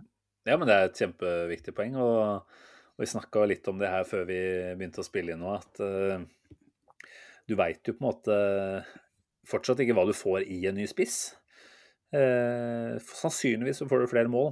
Uh, det er jo noe vi bør kunne forvente. Men, men sånn totalt sett, da, så byr han jo på ganske tydelig konkrete bidrag eh, framover nå. han er jo ikke han er jo ikke sånn focal point, vel å merke, men, men allikevel så, så, har jo han to typiske Giroud-assister i dag, nesten, da, vil jeg si. Eh, mm. Veldig gode på hver sin måte. altså Den første til Saka sin 2-1-skåring, den er jo perfekt, egentlig. Eh, og, og, det er klart, den touchen hvor han legger ned til, eh, til Martinelli, den, den, er jo silkemyk. Legger akkurat der den skal eh, for at Martinelli kan, kan klikke til på første. Så jeg synes jo Du hadde jo en diskusjon om det med Sivert uh, forrige uke. Dette med ny kontrakt til Lacassette. Og jeg føler jo at det blir vanskelig å ikke snakke om det etter i dag òg. Uh, eh, Nils August, som vi jo var inne på her tidligere, han hadde jo et spørsmål uh, på Twitter for noen dager tilbake om, om nettopp dette her. om man bør tilby han en ny kontrakt. og jeg syns det er et spørsmål som det har gått fra å være ganske lett å si nei på, til å nå liksom være helt uh, Jeg heller mot da, at hvis du klarer å gjøre det på de rette betingelsene, så, så er det no-brainer. Uh, rett og slett fordi han, uh, han, byr på det han gjør, da, eh, som du sier. Og han er tross alt en ekstremt uh, tydelig lederskikkelse ute på, ut på, banen og i garderoben og tipper jeg. Han har jo nå hva er det? Er det tre eller fire skåringer i ligaen? Så han er vel oppe i, i doble tall, da, i hvert fall, eh, totalt sett. Eh, det er eh, tall som Hadde du hatt han som eh, andrespiss, da, og det hadde kanskje ikke vært de samme tallene da, men da hadde du jo bejubla det, egentlig. Nå spilte han vel veldig lite på høstsesongen, når Aubameyang nesten var på hver eneste kamp. Så jeg vet ikke, du sitter med tallet om de er uh, hvor mange minutter han har og sånt, men, uh, men uh, sånn i hva han produserer av målpoeng ut ifra minutter, så, så, er det jo ikke helt hinsides. jeg tenker at han særlig dersom ikke Nketia går, noe jeg jo fortsatt tror, så er det en vi bør strekke oss forholdsvis langt for å prøve å beholde. Jeg ser han er vel på en 180 000 pund i uka nå. Eh, som vi vet, den går ut i sommeren. Eh, etter alle solemerker så er jo en Lacassette som fyller Han fyller jo 31 i, i mai. Eh, ute etter en så lang kontrakt som mulig, naturlig nok. Hans siste ordentlig store kontrakt, sannsynligvis. da. Mm. Men vi vet at uh, Lyon er jo liksom den klubben som har vært mest uh, linka til han. Jeg kan ikke tenke meg at han er i nærheten av å få 180 000 pund i uka der. Eh, det er klart Fordeler du det over tre år, så, så kan totalsummen bli ganske ålreit allikevel, da, hvis, du, hvis, du, er på en 100, eh, kanskje. 80 til 100. Men, mm. eh, men, hvis man kvaler til Champions League, for jeg tror mye avhenger av det, eh, så kan man også ta seg råd til noe mer. Og gi Lacassette en relativt lukrativ én eh, pluss én-kontrakt, kanskje. da hvor du har noen uh, installment som gjør at han bare får, får, det andre året hvis det er, eh, hvis det er eh, et land som, som, tilsier det, rett og slett. Da. Jeg tenker at det ville vært mm. ganske klart å foretrekke, sånn som han presterer nå. Så har du jo selvfølgelig den frykten om at uh, spillere som spiller for ny kontrakt et eller annet sted, er hakket bedre òg. Men, uh, men, vi er nesten på det nivået at jeg hadde unna han det uansett. Da, for han kom tross alt til Arsenal uh, det første året vi var utenfor Champions League. Nei, det gjorde, jo, det gjorde han vel. Jo, Første stemmer. året etter eh, Champions League var eh, Ja, han har vært her i, i, fem sesonger nå, og vi har ikke hatt Champions League eh, en eneste en. Nesten unna han det. Det hadde vært nesten litt vondt hvis vi skulle kvalifisere Champions League. Han går tilbake til Lyon, som da ikke gjør det. Han var vel Champions League-deltaker i Lyon, i hvert fall et par sesonger før han kom til oss. da. Så det er klart typen er det vanskelig å ikke like, og når han bidrar som han gjør, så, så er det et spørsmål om penger, selvfølgelig. Og så er det selvfølgelig også den derre Skal vi i en over 30 år gammel spiller en, en heftig kontrakt? Men det er, det er, kjempestor forskjell på om du gir en ett eller en treår. Og hvis han sier ja takk til en ettårskontrakt på ish samme nivå som nå, og. Kanskje da ser at ja, muligheten for å gå tilbake til Lyon, den er egentlig like stor eh, året etter, så, så, tror jeg det kunne vært fint, altså. Men eh, jeg regner med at Arteta har en plan for dette her, og det er egentlig veldig betryggende. Jeg stoler ganske solid på det Arteta holder på med i, i form av stallbygging om dagen, så dette tenker jeg er under god kontroll. Men du, da? Enkelt og greit. Nå snakka jeg kjempelenge her. Eh, Lacassette med til eh, neste sesong? Tviler sterkt. Uh, det er klart, Hvis han er villig til å akseptere en ettårskontrakt, så er jo det kjempebra. Og Så er spørsmålet den signaleffekten det vil gi da, hvis han får en uh, selv en ettårskontrakt med en veldig høy lønn. Uh, nå har vi jo nedskalert veldig på lønnsnivå. Uh, siste tida kvitta oss med veldig mange. Nesten bedt dem gå planken for å slippe å betale lønna deres. Sånn at det spørs jo hva, hva, slags signaleffekt gjør det når det er masse unge, mm. unge spillere som er i en posisjon nå som, som er veldig sterk. Jeg vet ikke. Um, men jeg personlig så tenker jeg at vi, vi trenger kropper. Vi trenger skrått uh, i spissrollen. Vi kommer til å stå helt ribba tilbake til sommeren, nesten uansett. Mm. Um, så, så uavhengig av hvilken spiss vi kjøper, eh, så tenker jeg at Lacassette har en rolle å spille. Eh, både på og utenfor mm. banen. Eh, sånn at jeg, er veldig positiv til en ettårskontrakt, men mer enn det mener jeg er feil. Mm. rett og slett fordi at den fella den har vi gått i før, og den kan vi ikke gå igjen nå. For det, det blir bare for dumt, rett og slett, hvis vi gir han en lang, langtidskontrakt nå. Da risikerer Selv om vi liker typen og sånn, sånn, sånn, som det er nå, så vet vi aldri hva det vil gjøre. Eh, vi vet at han er i en veldig spesiell situasjon, og han spiller for framtida si. Eh, I en treårskontrakt nå, hva, hva, gjør det med hodet hans? Det er ikke sikkert det er bevisst engang. Det kan være ubevisst at han slipper seg ned noen prosent, og det, det kan være nok til at han faller helt igjennom. Så jeg tenker prosessen vi er inne i, som er veldig positiv, eh, den, den må vi fortsette med. og da må vi kill or, darling, kill our darlings, som det heter. Eh, drepe våre kjære av og til, for å bare fortsette på den ferden. Nei da, og det er mange omstendigheter som spiller inn her. Blir det Champions League, så er vi selvfølgelig mye mer attraktive for nye toppspisser også. Og da, da er det klart at det vil være lettere å se at man uh, klarer seg uten Lacassette, kanskje sånn sett òg, da.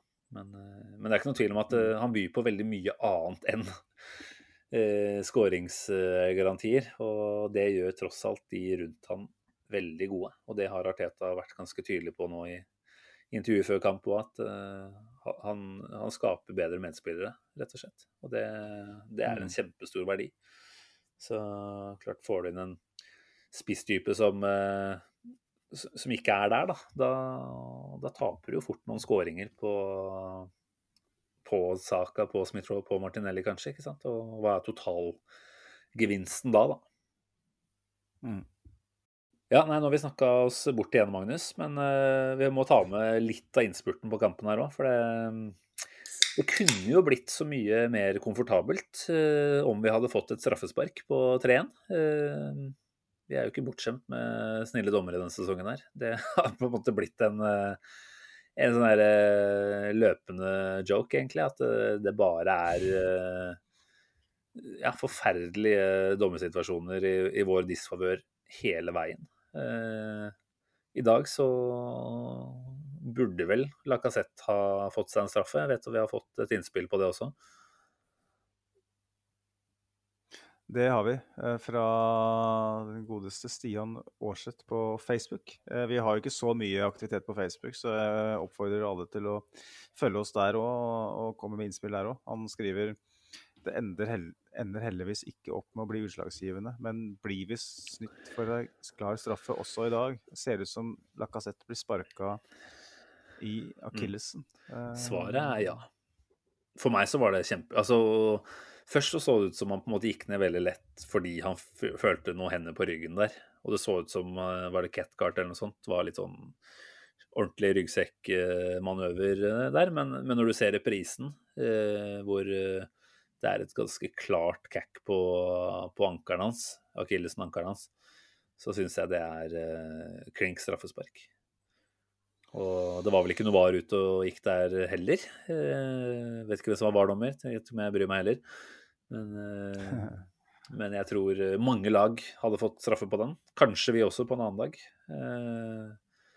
Så har du det selvfølgelig det aspektet med at hvis dommeren hadde blåst, så hadde det ikke blitt omgjort. Så det kan argumenteres for at det ikke var en stor nok feil, og at det var noe subjektivt inne i bildet der. Men jeg syns ikke dommeren gjør jobben sin egentlig der, da. Jeg syns den, den, er ganske klar, egentlig. Ja. Den er jo litt sånn 50-50 om blitt eller ikke. Og da er jo på en måte mantraet til det var, som du er inne på, at mm. man ikke skal gå inn og, og, endre på det. Så er jo den diskusjonen vi alltid har om at ja. er det 50-50? Men jeg syns jo ikke, jeg, jeg, Tror du ikke nettopp det at altså, jeg tenker at det er ikke en 50-50. Hvis dommeren hadde sett høyre ankel, høyre akilles, så hadde han sett at dette er straffespark. Men jeg tror hans fokus er retta mot ryggsekkfunksjonene. Eh, som jeg er helt enig at det ikke så ut som det var nok, for der var en hånd på skulderen og, og litt sånt. Men, eh, men, da har jo dommeren i så fall gått glipp av det som er sentralt for forseelsen. Og da er det jo en, en, obvious error, på en måte, da. Ja, jeg kan godt si det, altså.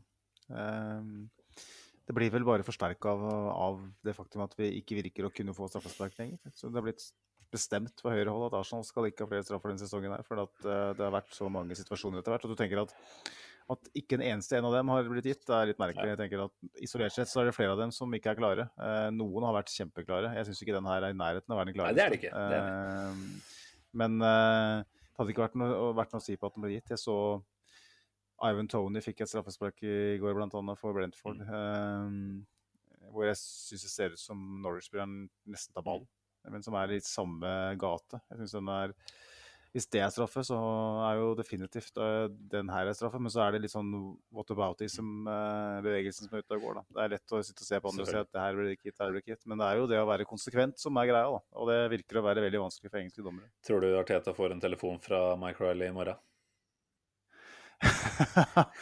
I så fall så handler det ikke om den situasjonen. Men, eh, men, det er vel ganske tydelig at det skal være noen Det hadde vel ikke vært noen samtaler eller noen møter der ennå, men, men, det kommer vel. Så det begynner å bli en ganske heftig liste med eksempler Arteta kan dra fram her og bare legge fram og spørre hva faen, hva er det dere holder på med her? Det var vel en, en Twitter-tråd ute og gikk der, hvor du hadde samla opp eh, Eller noen hadde samla opp eh, de groveste situasjonene gjennom sesongen. Det er, det, er, ganske mye å plukke på etter hvert. Vi skal vel um etter hvert videre, Simen. Men jeg så Vi sitter jo og følger med på Twitter live her, så fikk, uh, fikk vi et par gode spørsmål her. Det har vært gøy å ta med fra Fleskspurven. Jeg håper han ikke er Tottenham, Tottenham-supporter. Det er han helt sikkert ikke. Han skriver blant annet, Kan jeg stille deg spørsmål? Hadde dere solgt Saka for 800 millioner norske kroner i sommer? Altså til sommeren som kommer nå? Nei. Ja. For det hadde, det hadde sendt altfor mange signaler som ikke hadde vært positive. Altså For det første så tror jeg ikke du får saka Du får ikke noe bedre enn saka. Det får du ikke henta omtrent. Uh, en som er innarbeida i spillestil og alt sånt. Uh, så et, et, mer interessant spørsmål for meg hadde vært hadde du, hentet, eller hadde du solgt den for 1,5 milliarder? Ja. Det er et helt annet spørsmål og mye vanskeligere å svare på. Uh, det kommer helt an på liksom, er spilleren sjøl mm. eh, veldig gira på det eller mm. ikke. Det er på en måte det har alt å bety i en ja. sånn situasjon, men det er klart helt åpenbart nei. Men helt eh, alvorlig, da, så er det jo to år igjen på kontrakten hans til sommeren. Jeg har sett Fabrizio Romano har jo vært ute nå eh, ved noen tilfeller og skrevet at saka er eh, bare fokusert på å gjøre ferdig sesongen, kommer til å ta kontraktsforhandlingene etterpå. Det er klart at hvor Arsenal er Eh, på slutten av sesongen, det, det vil jo spille inn. Eh, jeg, jeg, tror ikke det kommer til å avgjøre denne vurderingen denne sommeren her, men, men, det er klart, ser han at Arsenal er tilbake i Champions League, at dette er et lag som kommer til å, etter alle solmerker, bli sterkere neste sesong, det er klart det vil gjøre kanskje noe da med hans uh, ønske eller vilje til å forplikte seg til enda et år til, eller hva det skulle være. da. Jeg eh, ser for meg mm. at, eh, han, han uansett er å finne i Arsenal de neste to årene, egentlig nesten uansett hva som skjer. Men Nei, jeg tenker at han Han må absolutt signe på ny kontrakt nå i sommer, ellers så, ellers så blir det dessverre spennende. Men, men, det er vel ikke noe som skulle tilsi at han ikke, ikke gjør det. Um, et spørsmål til. Han sender inn flere, men jeg tenker jeg tar bare ett til, så vi ikke sitter her til i morgen tidlig. Vi er jo verdensmestere på å snakke oss bort. Men han Hvilken eh, spiller har imponert dere mest denne sesongen, Spør Da er det jo lett å bli eh, litt sånn preget av korttidshukommelse her nå, da. Og si at totalt sett, med all innflytelse man har hatt på laget, så, så lander man på Ødegaard. Eh, men det er, det er, mange gode kandidater der, uten tvil. Eh, ben White syns jeg absolutt er et eh, shout. Ramsdale på sin måte, selv om han har gjort mye rart etter hvert. Ikke blitt straffa så mye, heldigvis, men det er et eller annet med den mentaliteten han kommer inn med, da, som jeg tror virkelig Ja, det forsterker laget, og det, det smitter over på de andre. Men sånn ut ifra hvor, hvor, ekstremt mye innvirkning han har på spill. Da. Og nå ser vi på en måte Arteta-ball. Nå har vi snakka om Wenger-ball, men vi får, vi får, være greie mot Arteta og si at dette er Arteta-ball også. Det er Martin Ødegaard som er ekstremt sentral i så mye av det som skjer. Da. Så ja, jeg kaller meg, kaller meg litt uh, nisselute her, men jeg, jeg lander fort på Ødegaard der, altså. Jeg, jeg, jeg, tror faktisk at jeg ville landa på det samme som deg. Jeg, jeg, tror jeg kommer til å lande på det samme ja. som deg når vi skriver mai. Uh, men totalt sett så langt så syns jeg faktisk Ramsdale. Mm. Uh, fordi at han har overraska meg så vanvittig. Uh, med tanke på at han kommer fra liksom, Sheffield United og spilt i, i Bournemouth og kommer inn og bare viser at han kan Ja, jeg vet han har gjort en del rart i det siste, men han kan liksom revolusjonere mm. måten vi spiller ut bakfra.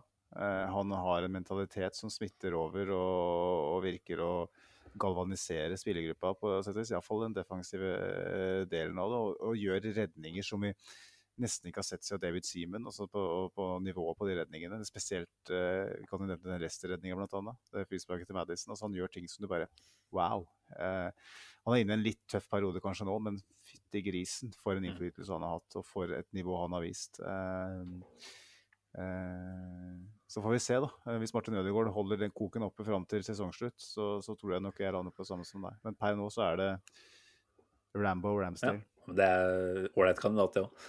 Jeg er vel eh, sånn klassisk fotballsupporter at jeg er også litt prega av å drømme. ikke sant? Og det er vanskelig å ikke drømme om mer Ødegaard finesse de neste ukene nå. Da, da, blir jeg på en måte, da forskutterer jeg egentlig bare der. Ja, nei, men uh, bra. Uh, jeg syns vi skal runde av med Sleivdal Official sin tweet, som spør har vi skåret tre så nydelige Tikki Taka-mål i en og samme kamp siden Bergkamp var på matta.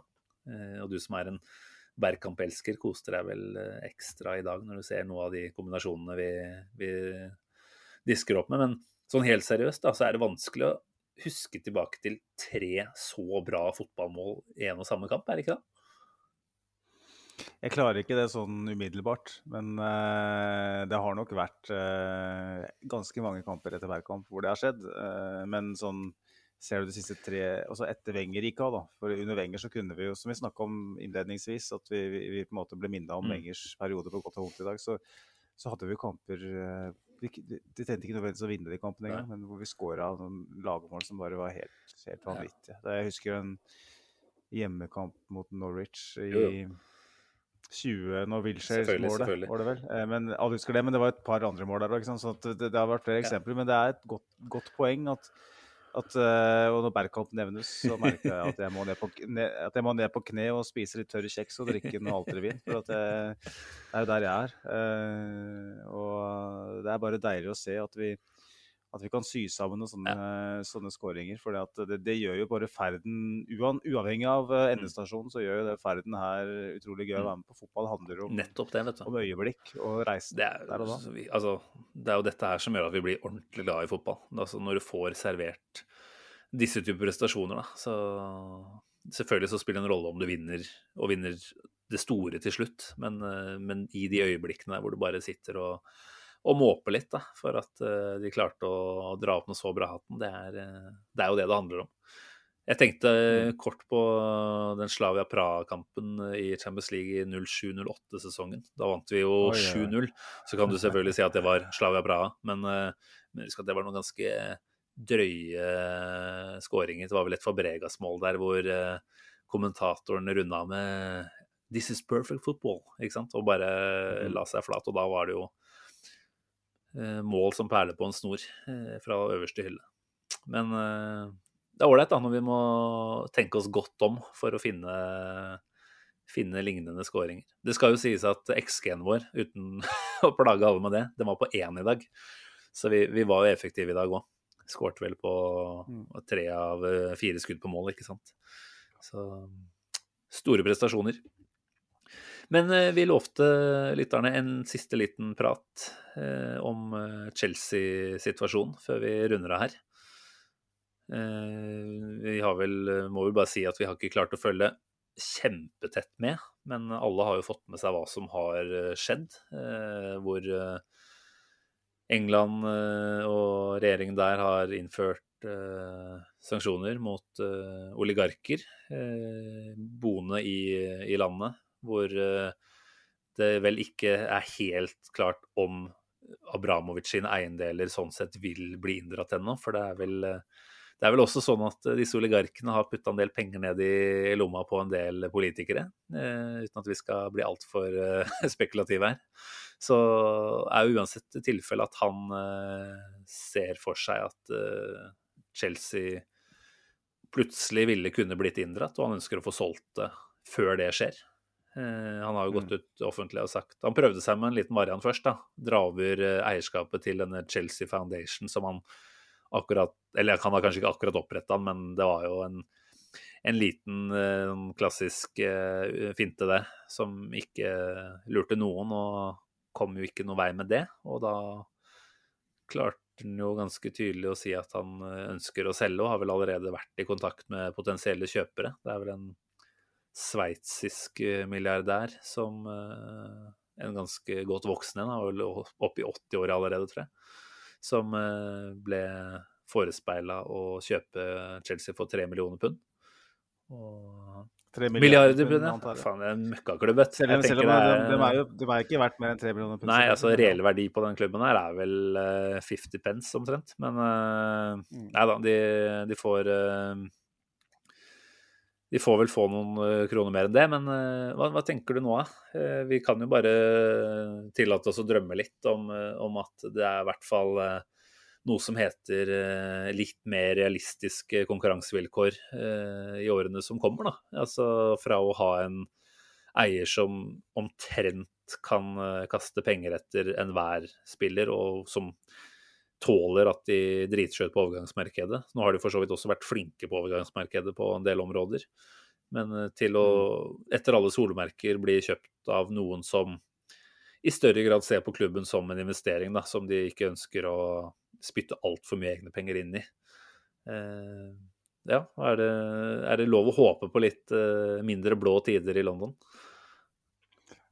Jeg tror det er uh, legitimt å tro på mindre blåtider i Mm. London. Eh, hvilke I disse tider, hvilke store kapitaleiere er interessert i å, å gripe fatt i Chelsea? En, en klubb som har blitt kjent for å være den klubben som på en måte har piska opp en flodbølge av sportsvasking og økonomisk doping, med en fyr som har sterke bånd til Vladimir Putin, som nå står med Europas skjebne i egne hender pga. sin psykopati, hvis det er et begrep. Og, en fyr som har sterke eierinteresser i, i flere selskap som forsyner det- russiske krigsmaskineriet. Det her er ikke enkelt for en investor som ønsker å få avkastning og, og, og skulle ta tak i. Jeg har ikke lyst til å stemple alle Chelsea-supportere som dårlige mennesker, for det er åpenbart ikke sant. Men jeg tror måten Chelsea har omfavna Roman Abramovic på, og nærmest sydd puter av bomull rundt han og alt han står for, eh, gjør at at det, er, at det har vært en voksende bevegelse innad i, i Chelsea-fansen som nesten har glemt alt som heter moral og etikk. Eh, hvor, hvor målet hellige middelet i så stor grad Det står altså på Turf Mm. Moor på lørdag eh, og synger Roman Abramovic for full hals og markerer ett minutt for, for krigsofrene ja, i Ukraina. tenker jeg, og, det, det er, og det overrasker meg ikke. Det har vært mange episoder med Chelsea-supportere opp gjennom året, åra. Og igjen, hvis du er Chelsea-supporter og hører på den podkasten her, eh, jeg vil ikke tro at det er mer enn maks én eller to. Jeg tror det er mindre. Eh, Så tenker jeg at det, for all del, vi er ikke ute etter dere på noe vis, men jeg tror at, at, at Chelseas kultur er fullstendig skadelidende av de åra her med Abramovic. De har vært det mest suksessrike laget i engelsk fotball de siste 20 åra. Men de har betalt en blodpris, bokstavelig talt. De titlene, de lukter det blod av. Det er titler de ikke skal være stolt av, i mine øyne. Eh, For de har kommet på bekostning av det russiske folk. Eh, og det er, blitt, det er blitt, blitt eh, Hva skal jeg si? Ja, de har oppnådd på en måte som, som alle andre klubber ville kunne klart. Det er økonomisk Mm. doping, og det er med penger de ikke har tjent sjøl. Så ja, for meg så er det helt åpenbart at det blir vanskelig, Mm, veldig veldig mm. vanskelig for Chelsea nå. Og jeg håper virkelig det. Og når det er sagt, så så er det viktig at vi ikke lar det overskygge det som skjer i Ukraina. Absolutt. absolutt. Det er jo bare en uh, liten sidenote til, til det som virkelig er viktig. Men, uh, men det er klart, vi har jo vært tydelige på det at selv om vi på en måte forholder oss til det som skjer i verden, så er vi en fotballpodkast, og denne praten her går først og fremst med til fokus på det som er fotballrelatert. Men uh, ja, ikke sant. Eh, Skrur vi klokka 20 år tilbake, da, så var jo Chelsea omtrent ved stupet. Altså, det var en klubb som fort kunne ha gått i en eh, Leeds-retning, ikke sant. Eh, Konkursens rand og særdeles dårlige utsikter. Han kommer inn og redder de, og har jo sikkert etter hvert fått noen følelser for klubben, da, men, eh, men vi skal liksom ikke glemme at dette var noe som kun ble gjort i et eh, Altså, det var jo snakk om å hvitvaske omtrent sine egne penger og sitt eget image. Eh, så jeg tenker jo at eh, dette her eh, det liksom, Jeg ser jo det er mange, eh, kanskje også andre enn Chelsea-supportere, som har litt sympati da, for at dette er tross alt en mann som nå har fått følelser for klubben og, og alt dette her, men for meg så blir det bare billig piss, da. Det er eh, først og fremst eh, en ekstremt kynisk eh, mann, dette her, som veit hva han eh, ville da han eh, gikk inn i dette for eh, mange år tilbake. Så en mulighet. Eh, skal selvfølgelig ha for at han har bygd opp klubben nå, da. Altså ja, de er på mange måter avhengig av hans eh, velsignelse, men det er jo også blitt en, en stor, eh, tung klubb da, økonomisk sett også, som jo har klart å få en del ting på stell når det kommer til å, å drive, drive klubb på, på en måte som ikke krever massive investeringer fra eier. Så vi kunne jo bare drømt om at de var på en måte rett tilbake igjen der de var for 20 år siden, med, med mulige nedrykk i vente. Men, eh, men det er vel dessverre sånn at eh, Chelsea har en del bein å stå på fortsatt. Men, eh, men at det blir den samme enkle veien gjennom bomkjøpene, da, det, det, det tror jeg ikke.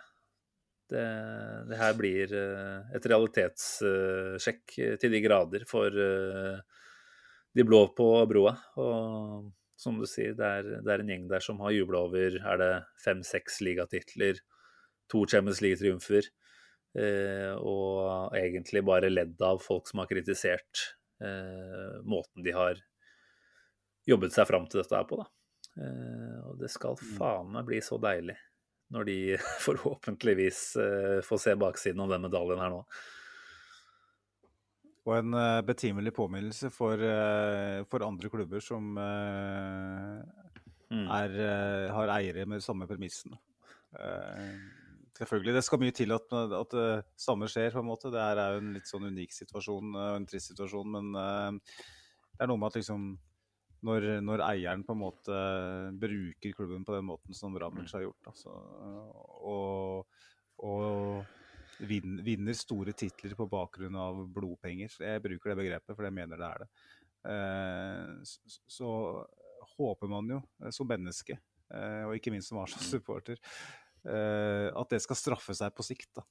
at man kanskje ser tilbake om, om, 30 år så tenker man tilbake på Abramovic-perioden i Chelsea, i, i Chelsea også, som noe negativt. At det, det, skulle vi helst ikke vært en del av. Det, jeg håper jo det, for det er jo ikke bra for sporten, det er ikke bra for verden. Nei, men så lenge det fortsatt eh, blir tillatt, eh, ref Newcastle, ikke sant, så, så er det ingen grunn til å, til å, slutte. Altså, det er jo et kjempestort tankekors da, at det måtte en, en sånn her type krig, krigssituasjon til for å, for å, sette i gang disse virkningene her. Eh, altså disse konsekvensene eh, burde man jo ikke Man burde ikke venta til dette her for å se at eh, de, de, pengene kommer fra et sted som er helt hinsides at skal få lov til å finansiere en fotballklubb. Og mm. igjen denne grensa med hva er for mye.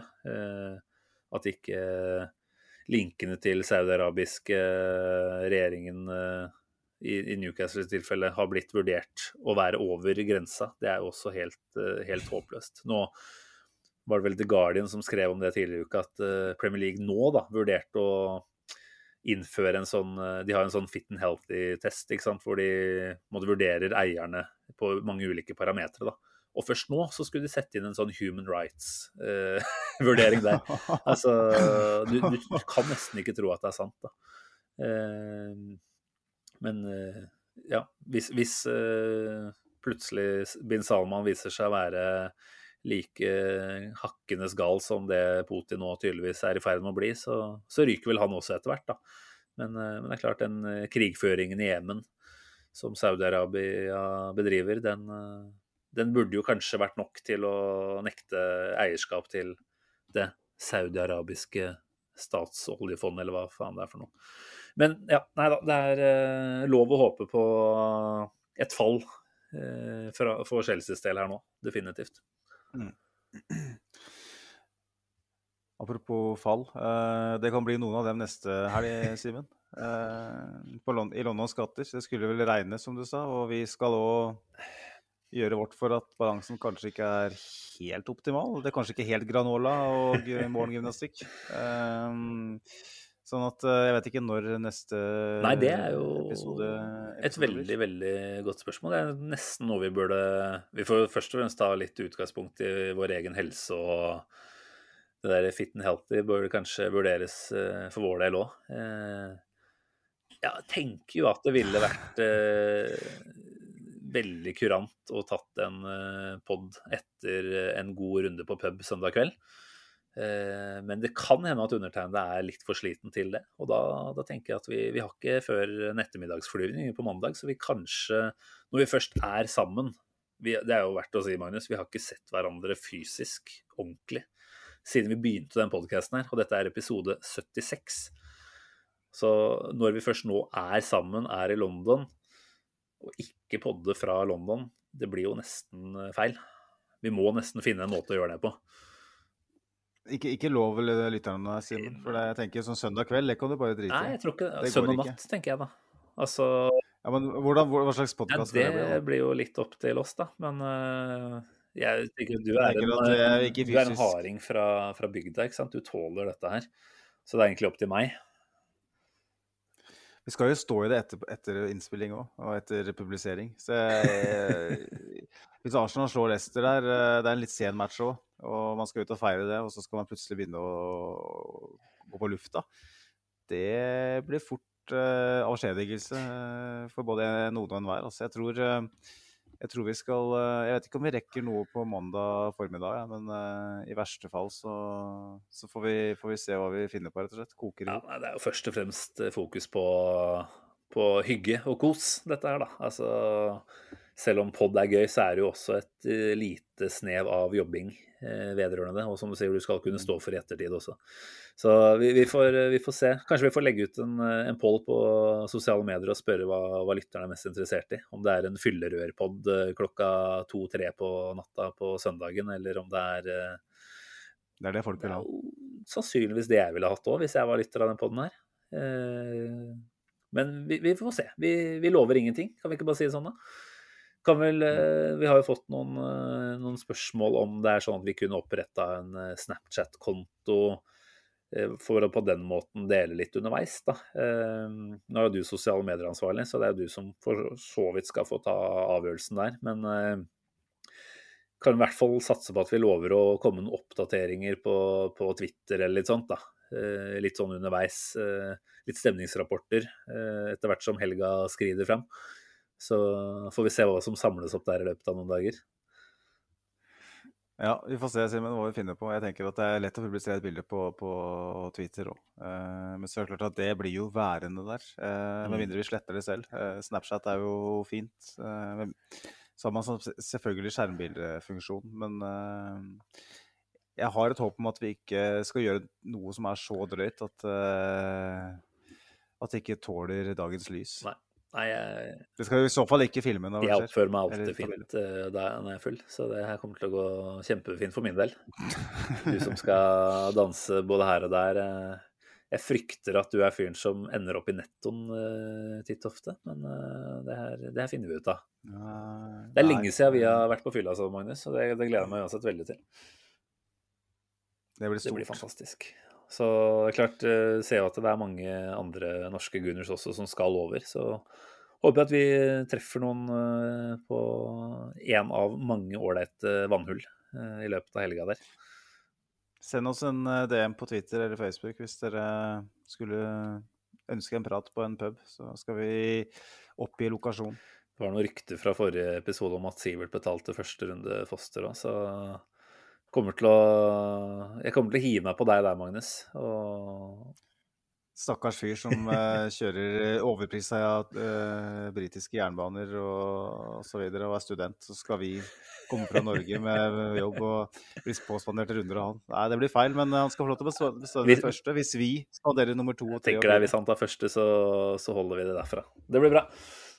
Nei, jeg gleder meg, Magnus. Vi er på fly om bare fem dager, vi. Så i mellomtida får vi jobbe litt og være litt, eh, litt fornuftige, og så får vi bare ta det, ta det helt vekk eh, til, til, London eh, kommer på banen.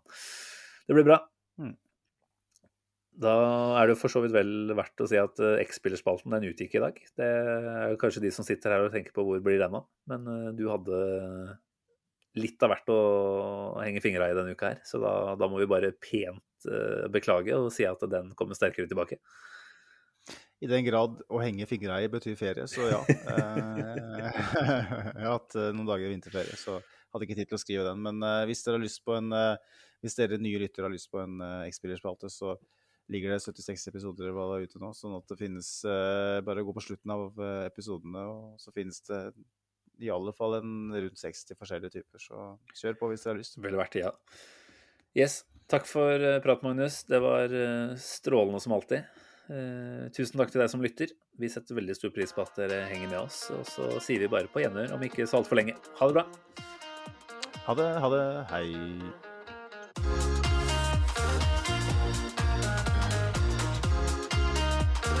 This train terminates here.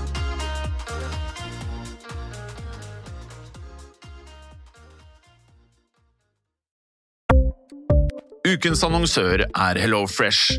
HelloFresh er verdens ledende matkasseleverandør og kan være redningen i en travel hverdag. Mange av oss har nok vandret i butikken både sultne og uten en plan for middagen, som ender med at vi går for de samme kjedelige rettene gang på gang. Middag burde være dagens høydepunkt. Som HelloFresh kan du nå velge mellom 25 ulike retter hver eneste uke, eller få HelloFresh til å sette sammen menyen for deg. Dette gir deg muligheten til å prøve nye og spennende retter alene eller sammen med familien. Du velger antall porsjoner og får alt levert på døren på et tidspunkt som passer for deg. Oppskriftene er enkle, og maten er lett å lage både for store og for små. Ved å få alt levert hjem får du også mer tid til å dele matgleden med familie og venner. Kanskje det frister med asiatiske tacos eller greskinspirert kylling? Da kan jeg anbefale deg om å gå inn på hellofresh.no. Her kan du bruke koden FOTBALL og få opptil 1779 kroner i rabatt på de første fem matkastene hvis du ikke har prøvd Hello Fresh tidligere. Du kan også bruke rabatten hvis du har vært kunde og stoppet abonnementet ditt for tolv måneder siden eller lengre. Gå inn på hellofresh.no og bruk koden FOTBALL. Har du et enkeltpersonforetak eller en liten bedrift? Da er du sikkert lei av å høre meg snakke om hvor enkelt det er med kvitteringer og bilag i fiken, så vi eh, gir oss her, vi. Fordi vi liker enkelt. Fiken superenkelt regnskap.